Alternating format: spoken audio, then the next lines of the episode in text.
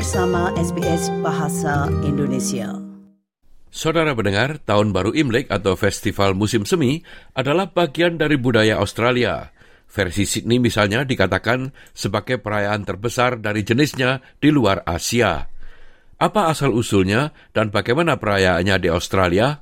Berikut ini laporan tentang hal tersebut yang disusun oleh Ciara Pasano untuk SBS. Dr. Pen Wong, dosen senior studi Cina dan Asia di University of New South Wales mengatakan, festival musim semi berlangsung selama 15 hari sampai festival Lantera.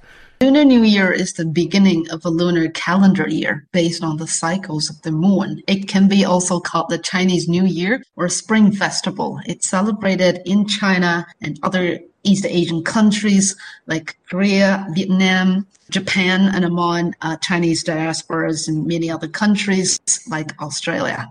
And uh, it has a history of up to 4,000 years, starting from the Xia or Shang dynasty.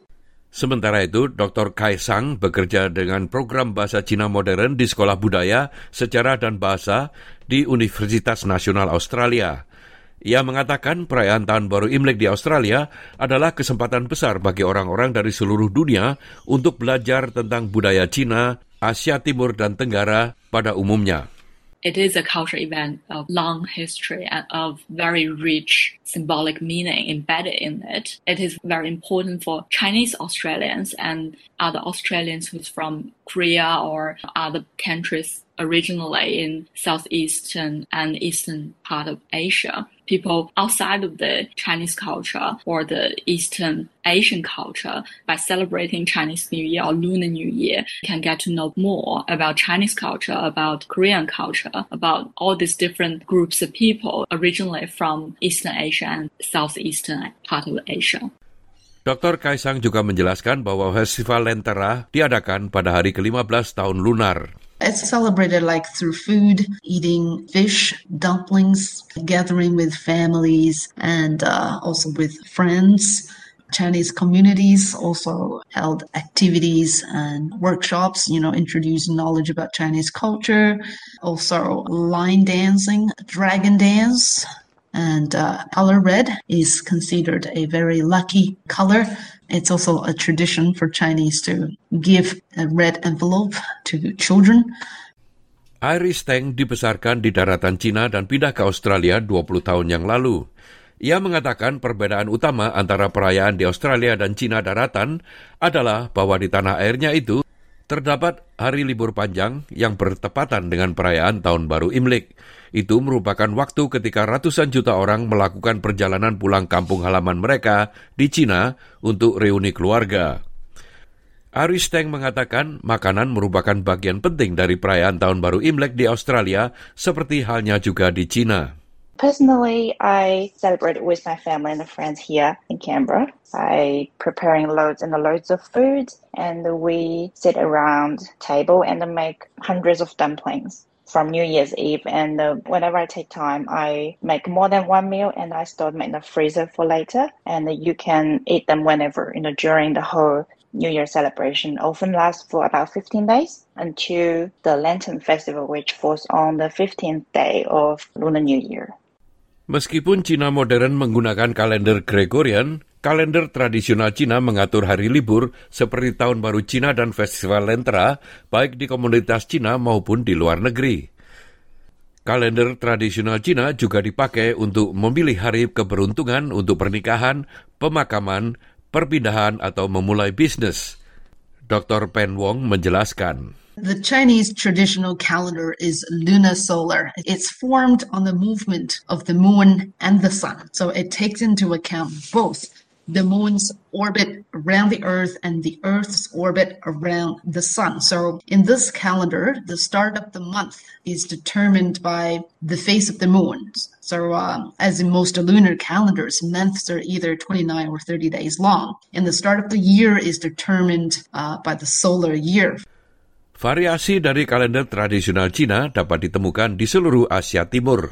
Setiap tahun, hari tahun baru Imlek bisa jatuh pada bulan Januari atau Februari. Demikian penjelasan dari Pen Wong. It is in between end of January to mid February, this range. So this year happens to be in February. So whichever month, the first lunar month is the beginning of spring, and the spring festival is held on that particular day.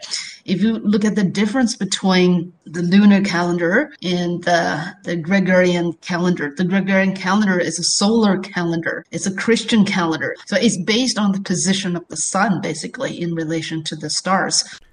Dr. Craig Smith, dosen senior dalam studi penerjemahan bahasa Cina di Institut Asia di University of Melbourne, pernah tinggal di Taiwan dan Korea Selatan selama beberapa tahun dan memiliki beberapa kenangan indah tentang perayaan Tahun Baru Imlek di kedua negara itu. Dr. Smith mengatakan di Korea Selatan Tahun Baru Imlek adalah waktu untuk menghormati leluhur. On uh, New Year's Day, everybody wakes up and um, sets out a meal for deceased ancestors and remember them and uh, offer them drinks. And of course, today, new religions have mixed in with these and old religions as well. So, Buddhist families will recite the sutras on Lunar New Year as well. Dr. Smith mengatakan ada banyak elemen perayaan Tahun Baru Imlek yang berasal dari negara selain Cina. Misalnya tarian singa yang ditampilkan secara tradisional selama parade Tahun Baru Imlek. When academics look at this lion dance tradition, they actually look back to thousands of years ago. And we've long known that a lot of traditions, religions, music, arts came into China from what we would now call West or Central Asian countries, especially along the famous Silk Road. And it's very likely that this tradition has some of its roots outside of China. A lot of people have connected it to Persian traditions based on linguistic and historical analyses. Terdapat 12 tahun zodiak yang berulang di kebudayaan Cina.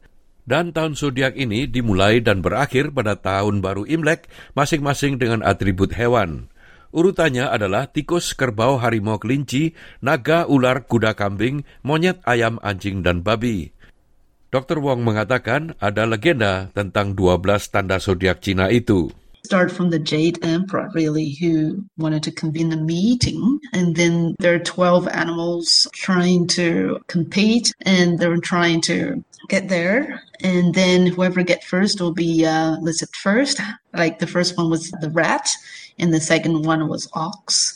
And then other ranks are according to who actually reached the meeting. So it has to do with the legend. Nah pendengar itulah tadi rangkuman mengenai tahun baru Imlek disusun oleh Ciara Pasano untuk SBS News dan disampaikan oleh Ricky Kusumo. Anda ingin mendengar cerita-cerita seperti ini? Dengarkan di Apple Podcast, Google Podcast, Spotify, atau di mana pun Anda mendapatkan podcast Anda.